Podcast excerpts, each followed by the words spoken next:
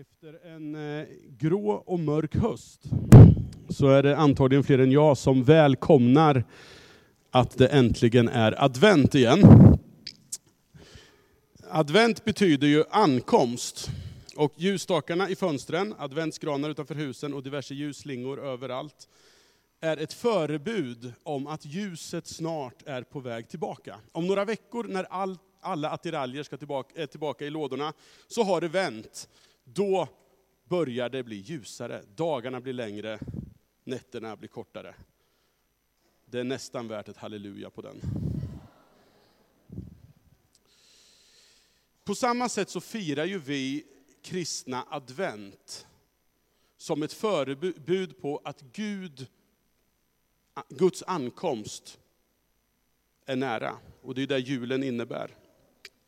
Evangelietexten som vi läser handlar dock inte om julen, utan om en händelse som utspelar sig några dagar innan påsk. En helt annan ankomst som Jesus gör när han gör sitt intåg i Jerusalem. Och vi ska läsa från Matteus evangeliet 21, vers 1-11. Och för att ni ska få lite syre i era ben och orka lyssna så står vi upp inför evangeliet.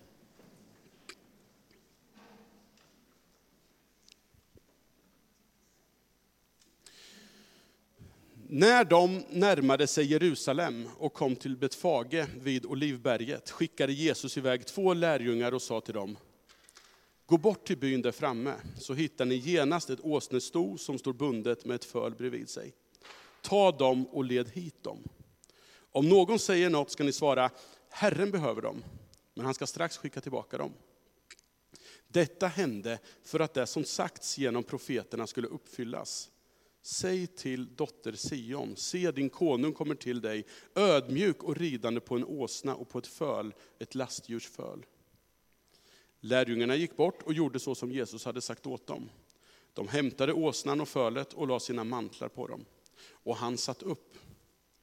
Många i folkmassan bredde ut sina mantlar på vägen, andra skar kvistar från träden och strödde dem på vägen. Och folket både de som gick före och de som följde efter ropade Hosianna! Davids son, välsignade han som kommer i Herrens namn, Hosianna i höjden. När han drog in i Jerusalem blev det stor uppståndelse i hela staden och man frågade, vem är han? Och folket svarade, det är profeten Jesus från Nasaret i Galileen. Varsågod och sitt.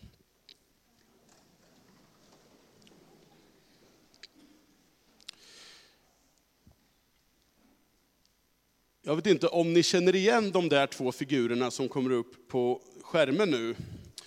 Om man är en tv-tittare av rang, som jag är, så har man stött på dem där. Eh, den ena är Bonde Sigrid och den andra är Prästbjörn. Och de har synts i datingprogrammen Bonde söker fru och Tro, hopp och kärlek. Jag vet inte om ni följer de här programmen som är mer eller mindre seriösa, men som handlar om dating och så vidare, om man ska hitta en livspartner. Eh, inte så sällan, mot de här programseriernas slut, så verkar det som att någon eller några av de här huvudpersonerna har hittat den rätta. Bland de här olika kandidaterna som prövas. Men ganska ofta visar det sig också efter någon tid att det i alla fall inte riktigt var den rätta ändå. Föreställningen om, om och den här jakten på den rätta, någonting som jag tror att vi alla har någon gång funderat i de banorna och upplevt, är ju någonting som, som gör att de här programmen tror jag är så populära. För vi tänker att eh, vad spännande det är att se om den rätta dyker upp för de här personerna.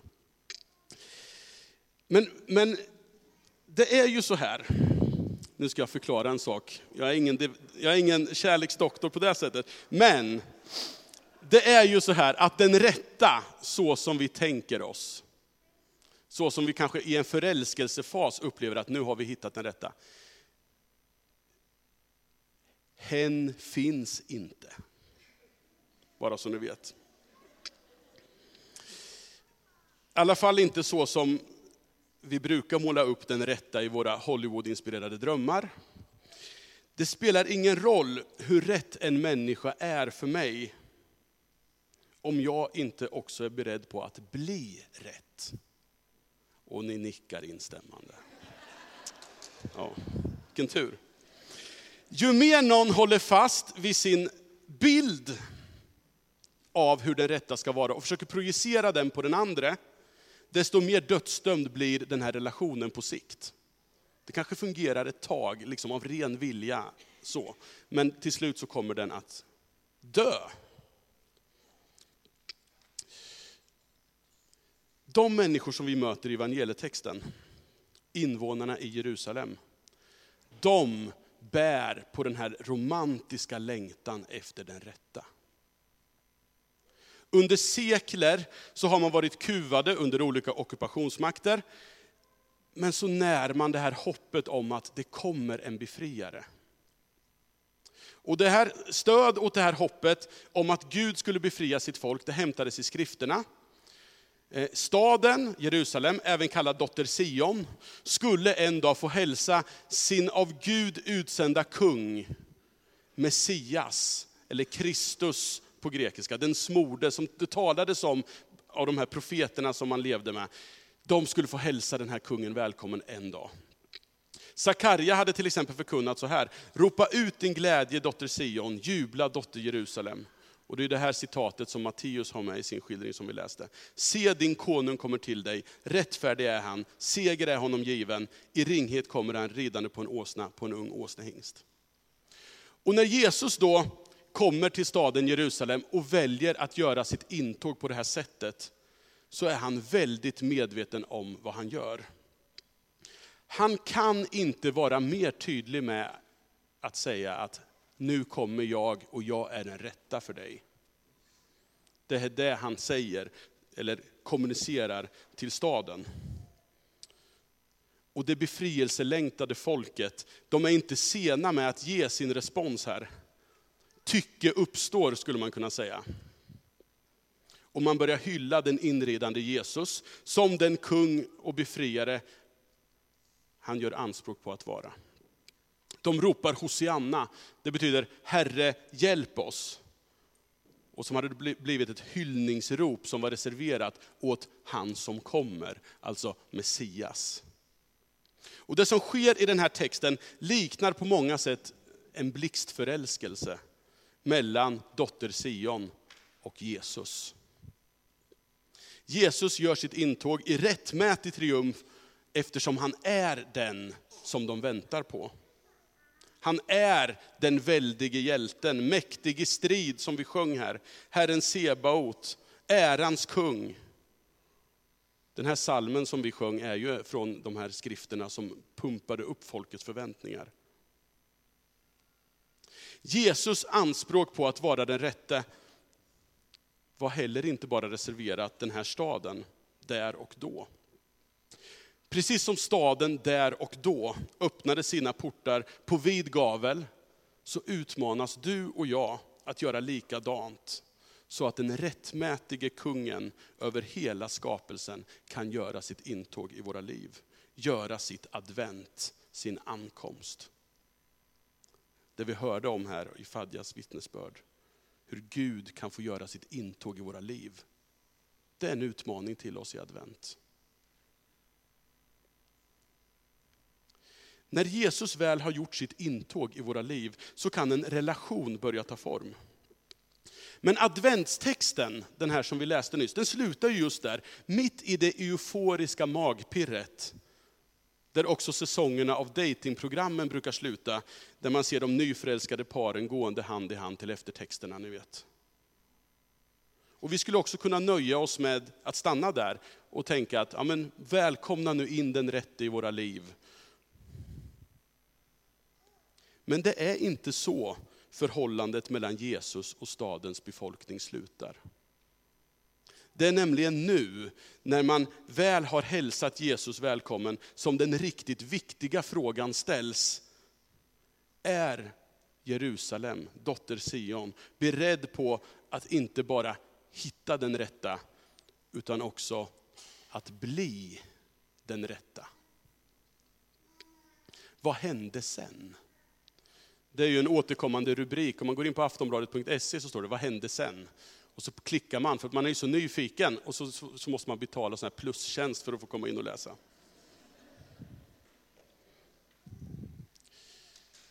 Hur gick det för bonde Sigrid? Ska vi påminna oss om vad som hände sen i relationen mellan Jesus och Jerusalem?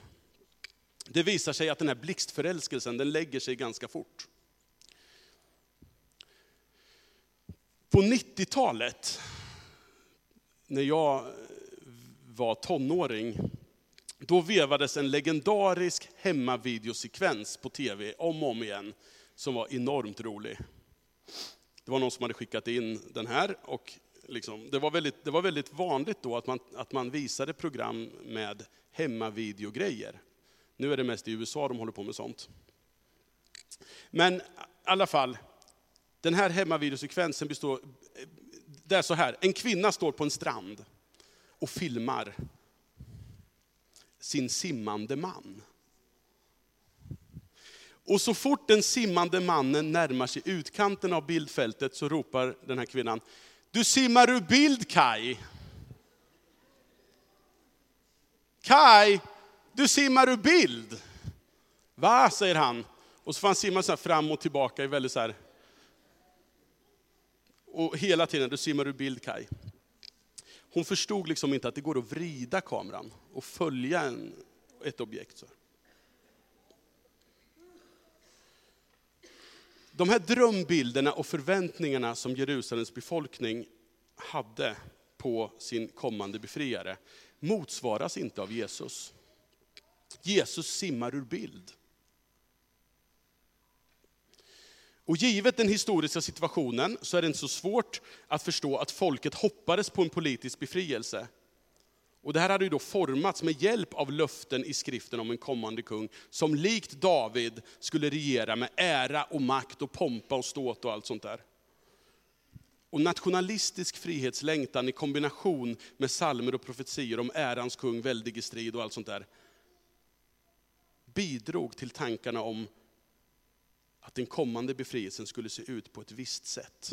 Man hade bildfältet liksom ganska färdigt och fixt. Att det fanns andra texter som gav en helt annan bild, det bortsåg man ifrån.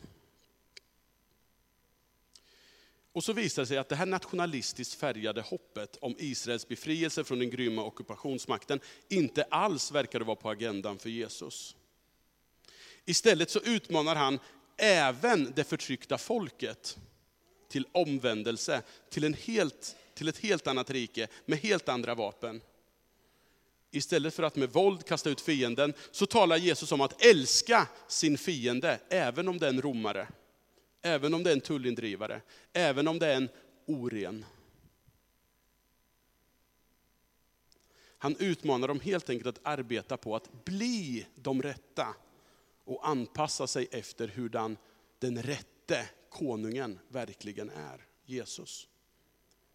Och eftersom Jesus har varit så tydlig med sitt anspråk, inte minst på det här sättet som han rider in i Jerusalem,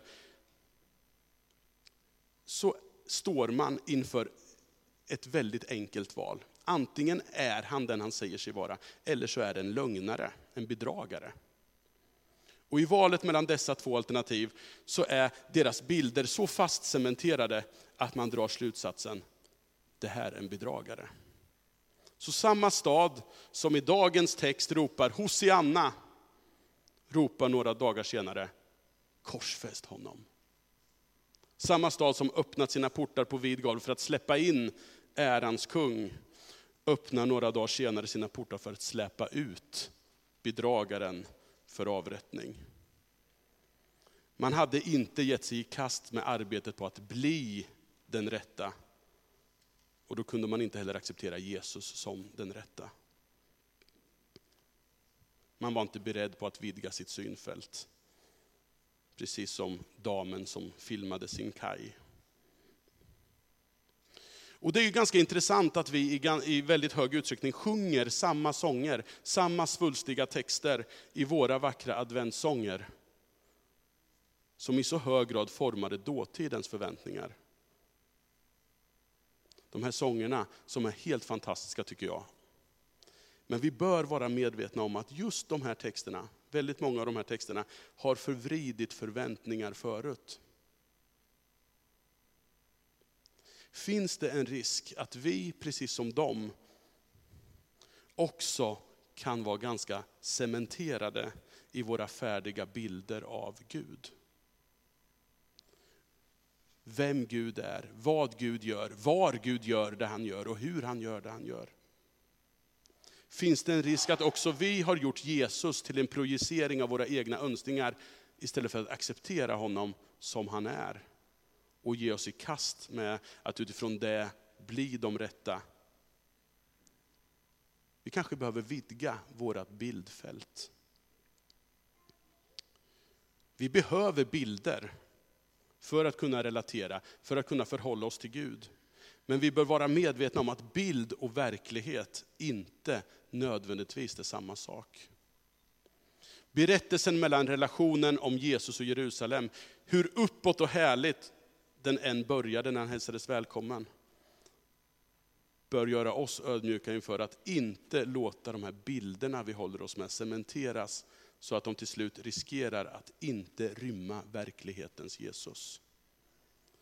Kanske missar vi vad Gud håller på med i våra liv, runt våra liv, i de sammanhang vi rör oss i. Därför att vi har alldeles för färdig uppfattning om vad Gud kan göra och vart Jesus befinner sig någonstans.